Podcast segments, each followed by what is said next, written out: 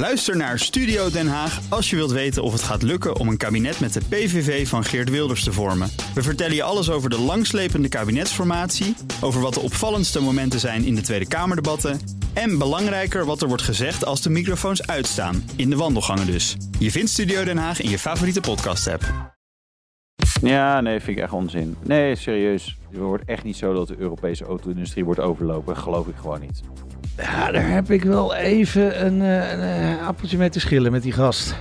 Roepat niet meer liegen. Zeker niet tegen mij. Breek de week ehm, veel later dan normaal gesproken. En dat heeft alles te maken met, eh, met Wouter. Jongen, jongen, jongen. Heb ik het weer gedaan. Heb je Ja. weer vertraging? Ja. Zat je ergens op een luchthaven? Nee, Huh? we reden wel langs een luchthaven. En toen zeiden wij... Eigenlijk hadden we daar even op moeten kunnen op dit moment. Ja. Nee, aan de auto lag het niet. Eigenlijk ben ik klaar, zeg maar, met het auto's testen. Ja? Gewoon eh, qua, nou ja, qua snelheid. Dit is gewoon, eh, dit is klaar. Het is gewoon Oh. klaar. Ja. Ik kan er maar met één hebben gereden dan toch? Dat Ja. zouden moeten, de, de luisteraar die zou nu eigenlijk al moeten weten. Nee, niet die Bugatti, want er is nog iets snellers. Eh, Ja. De Rimac Nevera. Ah, Wauw. ja, ja, ja, ja. Ja. Ja. Ach, Ik jeetje, mocht, hebben ze eh, jou daarin gelaten? Ja, het is goed gegaan. Hij is, hij is nog steeds heel. Eh, dus het lag niet aan mij deze keer als die eh, Hmm. wel gesloten. Nee, ik ook niet. Nee, eh, oh, eh, ja, weet je, echt wel erg indrukwekkende auto. Ook wel een indrukwekkend verhaal trouwens van eh Rimac natuurlijk. Die, die eh, begon eh, zeg maar echt letterlijk in zijn schuur. Nou, het is het eh, 2008, 2009. Elektrisch, eh, een BMW eh, 3-serie elektrisch gemaakt. Daarmee gaan racen. Ging allemaal heel goed. Driftcompetities, sprintjes, weet ik wat allemaal, dat soort dingen. Ja, en toen, toen, toen daar maar even een bedrijf van gemaakt. En Rematch, ja, ik vertel het nu allemaal veel te kort hoor, maar eh, uiteindelijk ook eh, nu mede-eigenaar van Bugatti. Ja. Eh, en dat, ja, dat, dus, dus die, hebben, die hebben wel iets goeds gedaan. Nou, en ik reed dus in de Nevera 1914 pk. 114 pk. Dus, dus ze zijn. eh, ik heb de, eh, ja, in de afgelopen week eh, rondgereden met 320 pk, 577, wat al een behoorlijke upgrade is, 204, 252, 1000 eh, en nu 1914. Dus het is, ja, het gaat nog wel alle kanten op. Nee, ja, het is, is, het is achterlijk snel. Ik, ik kon echt een, een kort rondje rijden, een zeg maar uurtje eh, in de omgeving van Rotterdam. Eigenlijk door de avondspits, maar we, hadden, we konden toch nog wat gaatjes vinden. Er zijn mensen die, die Heb- reden op de A13. Wij reden wellicht parallel aan de A13. En toen ging het op, zeg maar, vanuit stilstand op het gas. Ja, het moet, als mensen dit hebben gezien, zeg maar, de, dan moeten ze echt denken van, wat, Wat daar de- voorbij eh, gepland. Ja, Dus want, maar die topsnelheid, die heb je niet gehaald natuurlijk. nee, dat kan niet. 412. Ja, Eh, wat ze tot nu toe hebben gehaald. Maar er zit waarschijnlijk meer in het ja, vat. ja, ja, precies. Want dat heeft die, Ja. die Mata Rimac, hè, die, die, die, die- de oprichter, eigenaar, Ja. die heeft dat gezegd dat hij nog sneller zou moeten kunnen. Ja, ja kan die ook. Kan die ook Jeetje. zeker. Ja, het is echt in, in alle opzichten bizar.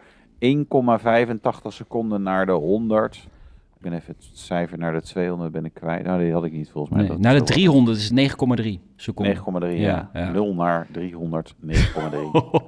en, een, en een koppel van 2400 newtonmeter. Ja. Maar eigenlijk, hè, Wouter, met, met elektrische auto's gaat het dus niet om het optrekken. Hè. Het gaat erom, wat is de actieradius? Hoe ver kom je Hoe ermee? snel- Hoe snel Als je gewoon keurig 100 kilometer Ja. per uur rijdt. Hè? Ja. Nee, kijk, dat is natuurlijk... eh, een high-performance auto is nooit super goed daarin. 120 kilowattuur batterij overigens. 550 kilometer WLTP. Maar Ja. wat heel interessant is... Snel laden tot 500 kilowatt.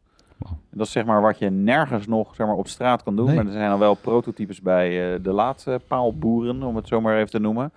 En zij zeggen ja, bij Ionity gaan wij gewoon tot 350. Dat redt hij gewoon. En eh, nou ja, dat, dat is dan in het begin. En dan, dan Ja. gaat hij natuurlijk op een gegeven moment naar beneden. Maar, hoe, hoe snel kun je dan, eh, want dan gaat hij natuurlijk maximaal tot 80%. Hoe, hoe, ver, hoe snel nee, nee, je? Ja, je kunt wel tot, nee, nee, je- je, kunt wel tot 100%. Alleen, Ja. kijk, ze, ze- iedereen communiceert vaak van 0 naar 80% of van 10 tot 80%. Volgens mij hadden zij 0 tot 80% in 18 minuten of 19, zoiets. Ja. Eh, ja, en dat is voor 120 kilowattuur batterij. Dus nou ja, zeg maar eh 100 kilowatt, kleine 100 kilowatt raden, eh, eh, laden in eh, nou ja, eh, 18 minuten. Maar Dat is overigens met die 500 kilowatt lader. Maar dan zit je dus inderdaad op een gemiddelde over de hele batterij van drie- bijna 300 kilowatt. Zeg maar eh, dat je de snelle Ja. laadsnelheid. Jeetje, wat een ingewikkeld verhaal, man. Ja, Mensen nou, hè? luisteren Ja, de woensdagmiddag en denken echt, nou, ik ben het al helemaal kwijt. Nou, onthoud dit. 412 km per uur, 0 naar 100 onder de 2 seconden, 0 naar 300 9,3. En hij kost 2 miljoen euro en daar moet er nog een beetje belasting bij. Ja, Ja. ja, nou het fijne van zo'n podcast is dat je hem de hele tijd opnieuw kunt starten. Hè? Dus als mensen het even niet hebben gevolgd, dan kun je gewoon even terug en dan kun je je hele verhaal nog een keertje luisteren. Ja, Eh, Even, even die Mate rematch, hè? want het is ook wel een bijzondere gast, is dat, hè? die Kroaat. Ja. Want Ja, hij, hij, wordt, ja. hij wordt de Elon Musk van de Balkan genoemd. Ja. Ik weet niet of dat nog een, eh, eh, of dat positief bedoeld is. ja, ja, ik denk het. eh, Toen nog wel. Ja, Maar, nog wel, eh, nee, Ja, ja, je nou ja, niet nog steeds. Kijk, deze quote komt. Nee, nee, nee, kijk, Elon Musk is natuurlijk nog steeds een fantastische ondernemer. Ik bedoel, eh, hij heeft wat rauwe randjes, zullen we maar even zeggen, hè, om, om dat voor ze... Nee, is, is hij denk ik zeker. Hij heeft, kijk, nu feitelijk, je hebt Rematch, eh, de hypercar-bouwer. Hè, dat, dat is zeg maar een, een los bedrijf. En hij heeft Rematch Technology. Eh, en daarin ontwikkelt hij, ontwikkelen ze andere auto's zeg maar, en platformen voor andere fabrikanten. Waarover ze nog niet zoveel loslaten voor wie dat allemaal is. Hè. We weten het bijvoorbeeld wel van Pininfarina, die ook een hypercar met nou ja, dezelfde specificaties, de Battista, zeg maar, wil lanceren. Maar ze zijn bezig met een, een, een fabriek, complex aan het bouwen, zeg maar, een nieuw hoofdkantoor van 200 miljoen euro. Eh, een van de grootste gebouwen van Europa. Ja, ze lieten even wat dingen zien. Zeg maar gewoon een, een, een- een, bedrijfshal van, van, ik geloof 400 meter breed en 300 meter lang. Weet je wel, zo echt gewoon te bizar. Eh, ja, ze gaan accu eh, pakketten en, en dat soort dingen zeg maar allemaal leveren. Dus dit is, dit is echt een partij die opeens maar in, in een kleine tien jaar in het hart van eh, eh, de auto-industrie is gekomen. En echt letterlijk vanuit de garage. Ze liet ook een foto zien van de garage waar die is begonnen.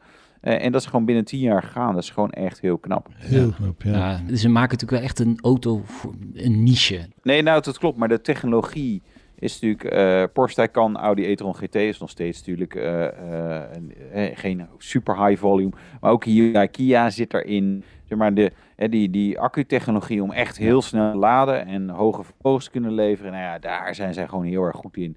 En daar gaan ze... Ja, ik, ik, ik denk dat we nog niet de helft weten van wat ze allemaal aan patenten hebben verkocht en hebben ingezet bij andere fabrikanten. Maar dat is, daar daar zijn ze echt ontzettende voor, voorloper in. Dus Ja, erg niet alleen Kia zit erin, hè, trouwens. Ook Nico Rosberg. Oh, Ook nieuw. Ja, Ja, die heeft die, die had er ook in. ja. Ja, die had de nummer Ja. 1, hè? Ja. Ja. Bij. Rosberg moet je maar altijd afwachten of die er nog lang in blijft zitten. Want die, eh, die kan er zo uitstappen. ja, precies. Ja. Ja. Ja, een jaartje. We gaan door naar eh, Rupert Stadler, de, de voormalig CEO Ah, van eh, Audi. Ja, ja. goede Ja. vriend van jou, hè, Meindert? Ja, daar heb ik wel even een, eh, een appeltje mee te schillen met die gast. Vertel. Nou, eh, je weet het nieuws van nu, hè, natuurlijk. Dat hij bekend heeft dat hij wist van het eh, dieselschandaal. En dat hij daar gewoon eh, vol aan mee heeft gewerkt. In ruil voor strafvermindering doet hij dat nu, hè, natuurlijk. Hij hoeft dan niet de gevangenis in, maar krijgt een voorwaardelijke straf. Maar ik heb hem dus een keer gesproken bij de jaarcijfers van Audi in Ingolstadt, hè, de, de thuisbasis van Audi. Prachtige fabriek trouwens daar, ook rondgekeken. Maar toen had ik een één op één interview met hem. En eh, nou, dit is echt de beginfase van de elektrische auto eigenlijk. Hè. Dus, eh, eh, maar er was al heel veel kritiek op diesel op dat moment. Vanuit de politiek natuurlijk. Dus ik vroeg hem op een gegeven moment: Goh, gaat Audi ook nog elektrische auto's bouwen? En hoe lang eh, blijven jullie doorgaan met de diesel? Nou, en een grote verhalen. Nee, Audi elektrisch, dat zie ik niet zitten. En de diesel is zo fantastisch. En we hebben zo'n goede engineers met die diesel. Die, daar kun je nog jaren, decennia mee door. Ja. Oh, Met de kennis van nu? ja. Nou ja, we zeggen misschien ook wel dat hij toch minder wist. Want als je dat zo stellig zegt. Alhoewel ik ook wel geloof dat er een periode is dat ze bij Audi echt dachten: ja, maar elektrisch gaan we niet doen.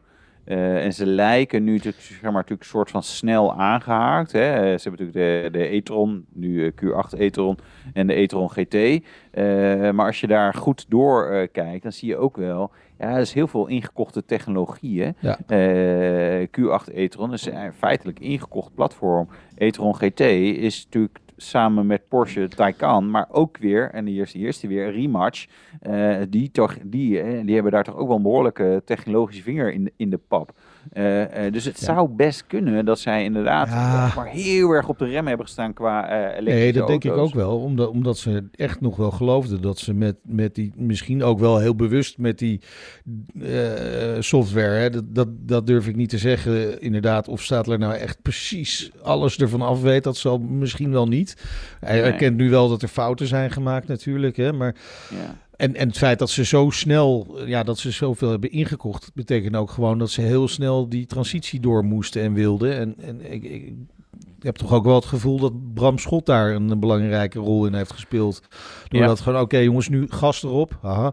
Eh, we, we gaan rammen en eh, die elektrische auto's moeten er nu komen. En als we het zelf niet in huis hebben, dan halen we het maar van buiten. True.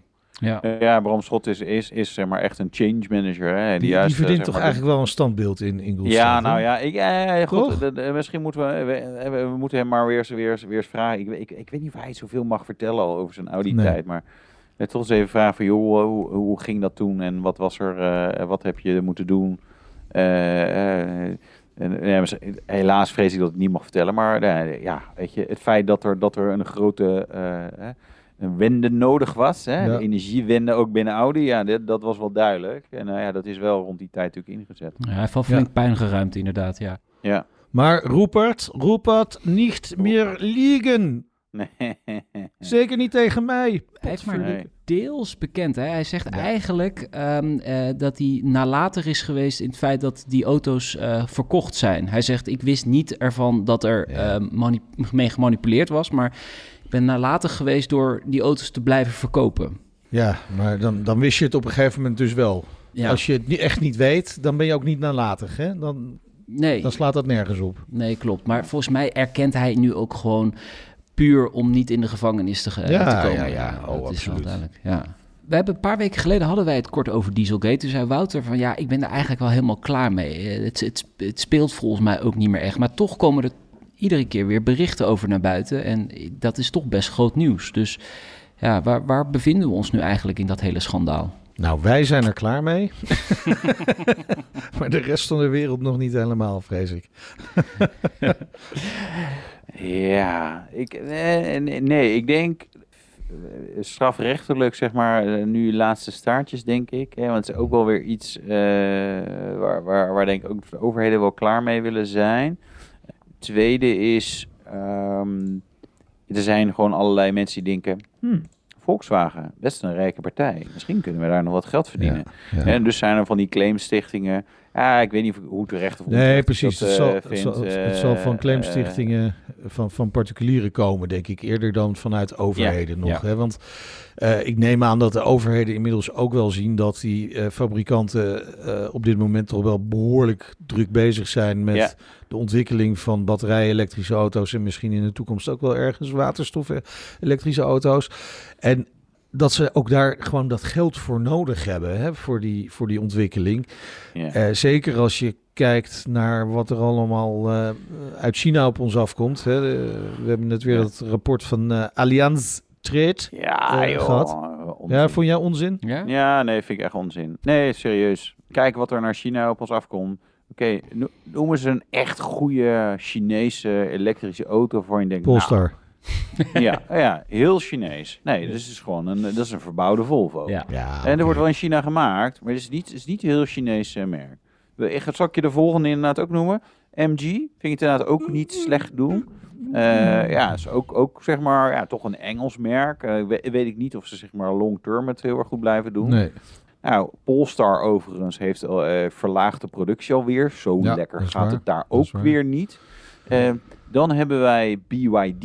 Dat is gewoon een heel groot concern met heel Ja. veel slagkracht. Maar dat is, die schieten ook wel gewoon met hagel. Als je maar, hun productoffensief be- bekijkt. Heel veel verschillende modellen. Zullen er best een paar... eh, eh, ja, ja nou, die, die, die klopt. BYD doet het allemaal onder één merknaam. Ja, ja, er zullen er best wel een aantal succesvol van worden. En de rest, hmm, geloof ik eigenlijk niet zo in. Komen ook zeg maar in de, in de, de statistieken van eh, de verkoopcijfers, eh, zie je ze eigenlijk niet terug in, in Europa en in andere continenten. Ja, in China zelf wel. Eh, maar verder eigenlijk niet. En je ziet nu toch gewoon meer kritiek komen. Eén, op start-ups. Van jongens, ga het maar eens even bewijzen. Dus ook Ja. Rivian en Lucid en weet ik veel wat allemaal in Amerika staan echt wel onder druk van ja, leuk. Ze hebben nog wel een paar miljard om te verbranden. Maar eh, het moet nog wel even gaan gebeuren. Eh, gaat in China ook gebeuren. Eh, en je ziet, en dat is dan weliswaar niet Chinees, maar wel Vietnamees, Finfast bijvoorbeeld. Nou, Google is even de reviews in Amerika. Zelden zo unaniem een auto helemaal afgefakkeld. En je ziet het bij de Chinezen ook langzaam wel ontstaan. Er zijn een paar die denken, oh die zijn wel goed. Maar er zit ook echt wel wat rotzooi tussen. Waar we gewoon zeggen, ja, maar het is, het is gewoon niet... Eigenlijk is het niet echt competitief. Eh, of het is eh, duur en dan is het oké.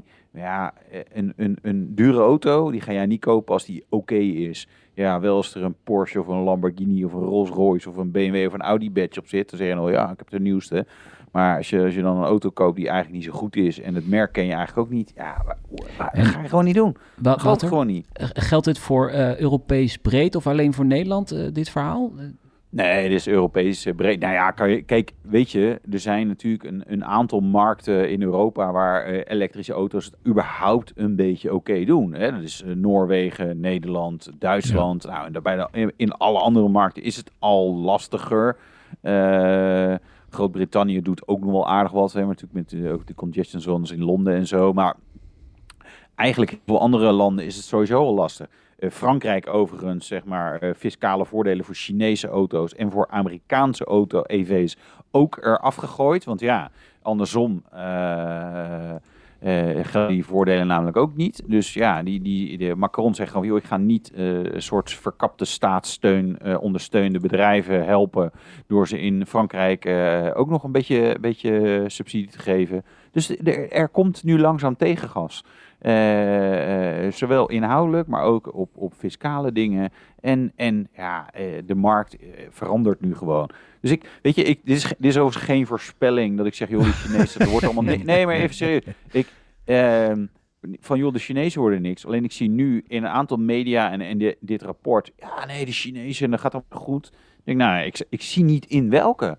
Ik zie, ik zie het echt niet. Ik zie wel dat, dat, dat ze heel veel doen. En tuurlijk, eh, eh, als je gewoon heel veel probeert, zeg maar, als land, dus, eh, dan er komen heel veel nieuwe Chinezen bij. Ja, er zal er best wel eentje succesvol potentieel gaan zijn. Eh, maar het wordt echt niet zo dat de Europese Nee, auto-industrie maar- wordt overlopen. Geloof ik gewoon niet. Nou, ja, misschien niet, hè, maar ze krijgen wel degelijk meer concurrentie. Ja. En daar Ja. gaat het denk ik om. En Ja. dan moet je, kun je twee dingen doen. Hè. Je kunt zeggen van nou, eh auto-industrie in Europa, jullie hebben in het verleden een aantal dingen niet goed gedaan. Hè. Ook fouten gemaakt, zeker eh, met, eh, met Dieselgate. Gewoon ronduit fout. En daar gaan we jullie lekker hard voor straffen. eh, zodat je in de toekomst ook dat slecht is voor je concurrentiepositie.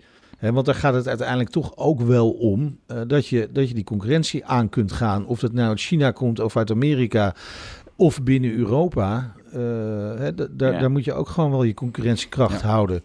En dat gaat gewoon om heel veel banen in Europa. En dat vergeten sommige mensen wel eens. Hè. Er zijn ook mensen die hebben het liefst dat eh, Europese merken gewoon kapot gaan. Ja, je moet wel denken aan die concurrentiekracht. En ze zitten dus niet stil in China. Dat is in elk geval wat je, wat je wel kunt zien. Nee. nee.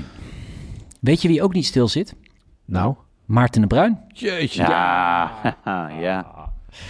Ja, Kent u deze nog? nog? ja nog, nog, nog, nog. Ja, oprichter Ja, van Spijker. Ja, ja. Lang Met, eh, geleden. de Sylvestris. Ja. Eh, en hij komt nu eh, met... eh, ik moet even de naam weer erbij. Even, even googelen. Is het niet gewoon de bruinkaars of zo? Ja, de bruin, bruin. sportscars. De bruin en sportscars. De bruin, nee, de bruin Verox V8. Ja, Oké. Zou er een V8 in liggen dan? Ja, ja, ik, ik denk het. ja. van Ja, een V8 van. 6,2 liter grote V8. Uit welk land is niet duidelijk. Nou, dat is mij wel Oh. duidelijk. Dat is Verenigde Ja. Staten. Oh. Eh, dat is ook gewoon een crate engine eh, van General Motors. Ja, ja, ja, Zeer ja, waarschijnlijk. ja, ja, maar goed, ja, het, ja. eh, we weten het formeel nog niet. Eh 1050 kilogram, 500 pk. En als je, maar je, als je een beetje door je ogen gaat, kan je denken, hé, een nieuwe spijker. Ja, Nou, dat is dat echt een niet soort eens door je hobby. oogharen, toch? Nee, ja. ja. Ja, echt, ik probeer het nog positief te brengen. ja. ja, ja. Hallo, hé. Gaat Ja. Victor Muller daar een zaak van maken? Ja, dat, dat, nou ja, dat zou de, weet je, er- ergens eh, zou ik het niet eens gek vinden, zeg maar. Maar het is, het is ja, overduidelijk, zeg maar, een soort van opgeïnspireerd, eh, een beetje dezelfde elementen die Ja. eh, terugkomen. En dus een schakelpook met zo'n mechanisme wat helemaal open is gewerkt met een grote stang. Ja, qua vorm en, en, Het is en, wel en weer mooi, hè? vleugeldeuren. Ja, het, is, het, is, het, is, het lijkt er heel erg op. Aan de andere kant, ja, weet je, hij had al natuurlijk al veel eerder zo'n zo'n zo'n concept ook, ook gemaakt voordat de spijker werd en Victor Muller erbij kwam. Dus ja, Ja. Zullen we hem anders gewoon uitnodigen en, en Ja. naar zijn verhaal mij luisteren? Ja. gezellig. Ja, Ja. sowieso heeft hij wel veel te vertellen, denk ik. Ik weet niet of hij over alle, eh, ook uit de historie zo, eh, en nu, nu al allerlei dingen kwijt wil. Eh, maar nee, ja, zeker. Leuk. Ja, Maar, weten vind- we nee, al ik vind- of dit- ga- gaat deze op de markt komen? Wat, wat gaat hij doen ermee? Nee, die gaat er eens achtertuin zetten. Gaat er zelf weer rijden. Nee, nee, nee. Eh, ik, ik hoorde al eh, eerder van iemand, eh, heel off the record, die, die, die wist dat er al was eh, gereden door potentiële klanten of iets dergelijks. Oké. Die overigens laaiend enthousiast eh, schenen te zijn. Dit is allemaal uh, hearsay, hè. Ja. Hmm. Dus ik, nou ja, weet je, wat dat betreft is, is het wel een interessante auto. Het is alleen wel dat ik echt denk, ja, het lijkt wel heel erg op, op spijker. Eh, Ja. Het had Ja. een spijker kunnen zijn. Ja. Wel, hoe, hoe meer ik kijk, ik ook wel dat, ik- dat ik denk, ja, ik vind het wel geinig, maar er zitten ook wel wat elementen van ik denk, nou, dat had ik dan misschien anders gedaan. Maar goed, ik... eh, Ja, je mag je eh, eigen auto tekenen. Ja, dat geeft niet, dat mag. Ja, dat is waar, ja. Nee, dat is natuurlijk wel waar. Hij doet het wel. Ja. Ja, nee, Dus, dat is ja, wel tof, ja. Dat is, Alleen, ja. ik, ik zat nog wel grappig, ik, ik, zie, ik zit naar die koplampen te denken, te kijken. Ja. En dan moet ik gelijk denken aan eh ene heer Lagai. ja. Harm Lagai, ja. Ja, Ja, want eh, Maarten de Bruin kan niet vrijdag te gast zijn, want we hebben al iemand die auto's tekent. zo. ja. En wie? Jeetje, Harm Lagai. leuk. Ja, Harmpie. Ja, ik vond het. Echt heel erg leuk. We hebben het al opgenomen voor de luisteraars die denken, hè, hoe weten ze dat dan allemaal? eh, Ja, wat ja. Die, eh, maar Indrukwekkend. echt heel leuk. Ja, oud eh, Ja. Porsche eh, design eh, director. Als je Porsche-liefhebber bent, moet je het luisteren, want het is leuk. De meeste mensen kennen het verhaal daar, maar ook gewoon vanuit, ja, weet je, een soort dat, dat business perspectief waar hij Ja. natuurlijk ook over heeft. Uitleg van, van in welke tijd hij bij Porsche kwam, hoe slecht het toe ging en nou ja, eh, wat er allemaal voor nodig was. Dat is gewoon machtig interessant. Ja. Dit is echt, hier kan je economieboeken mee vullen, Zeker. denk ik. Met Ja, wat zij toen hebben precies. gedaan. Dus niet alleen Porsche-liefhebber, maar ook Nee, als, nee, je, nee. eh, als Ja. je geïnteresseerd bent hoe bedrijven werken. Ja. En, en hoe zeker een autobedrijf werkt en hoe iemand tot een, tot een soort ommezwaai kan komen binnen een organisatie, waardoor Ja, zo'n merk dat eigenlijk op zijn op zijn rug ligt, hè, bijna, ja. gewoon weer. Nou, en, en eh, gewoon weer overeind komt en een gouden toekomst ingaat. En wat, wat daarvoor nodig is, en dat je dan ook wel, wel kritiek krijgt. Ik heb het niet voor niets over die koplampen. gaat natuurlijk over die eh, van, de, van de 996, hè, de 911 996. Maar eh, ja, ja, mooi. Ik En- heb het en- vandaag... ja, ja, nou, als je dan echt liefhebber bent, inderdaad, dan ja, dat is misschien gek dat ik dat zeg. Maar dan moet je misschien niet naar de radio-uitzending gaan luisteren, maar echt naar de podcast, hè? Nou, Ja, want die is ja. wat langer. Klopt, ik heb vandaag eh, de, de podcast gemonteerd en eh, het is 45 minuten eh, met hem. En het is echt leuk om naar te luisteren. En we Ja, hadden en nog we zeker nog nog 45 Veel jaar. langer precies. door kunnen Zeker. gaan. Zeker. Absoluut, 100 Ja. procent, 100 procent. Ja. Ja. hij heeft Porsche gewoon nieuw leven ingeblazen met, met het design. En, en eigenlijk gered daardoor hè, van de ondergang. Dus eh, ja, top. Ik, eh, ik vind het helemaal eh, top. En ja, dus vrijdag te horen ook op BNR. Een deel van het interview. een kleine eh 23 minuten. En we hebben ook nog een leuk verhaal. Die meneer die al die auto's heeft getaxeerd. Bij de Barnfind. Ja, ja, ja. Die heeft rond 230 eh, auto's getaxeerd van de, de, de Palmen-collectie. Dat is ook wel een bijzonder verhaal natuurlijk. Hoor je ook vrijdag. Ja, en zijn vrouw maar denken waarom die zoeken vieze handen had. al die weken lang. Hè? Ja. ja. Eh, om dit te snappen moet je echt even luisteren vrijdag. Zeker. Nou, hè? hoeveel meer aanleiding heb je nodig om gewoon even aan te, de volgende aan te klikken? Ja. Nee, ik weet het ook niet. Dus eh, nou ja, doe dat maar. Gewoon luisteren. En dan zijn wij er volgende week weer met eh Breek de Week. Precies, gezellig. Leuk man. Ik kan niet wachten. Echt En ik ga Maarten de Bruin uitnodigen. top. Zet hem op hè. Doei.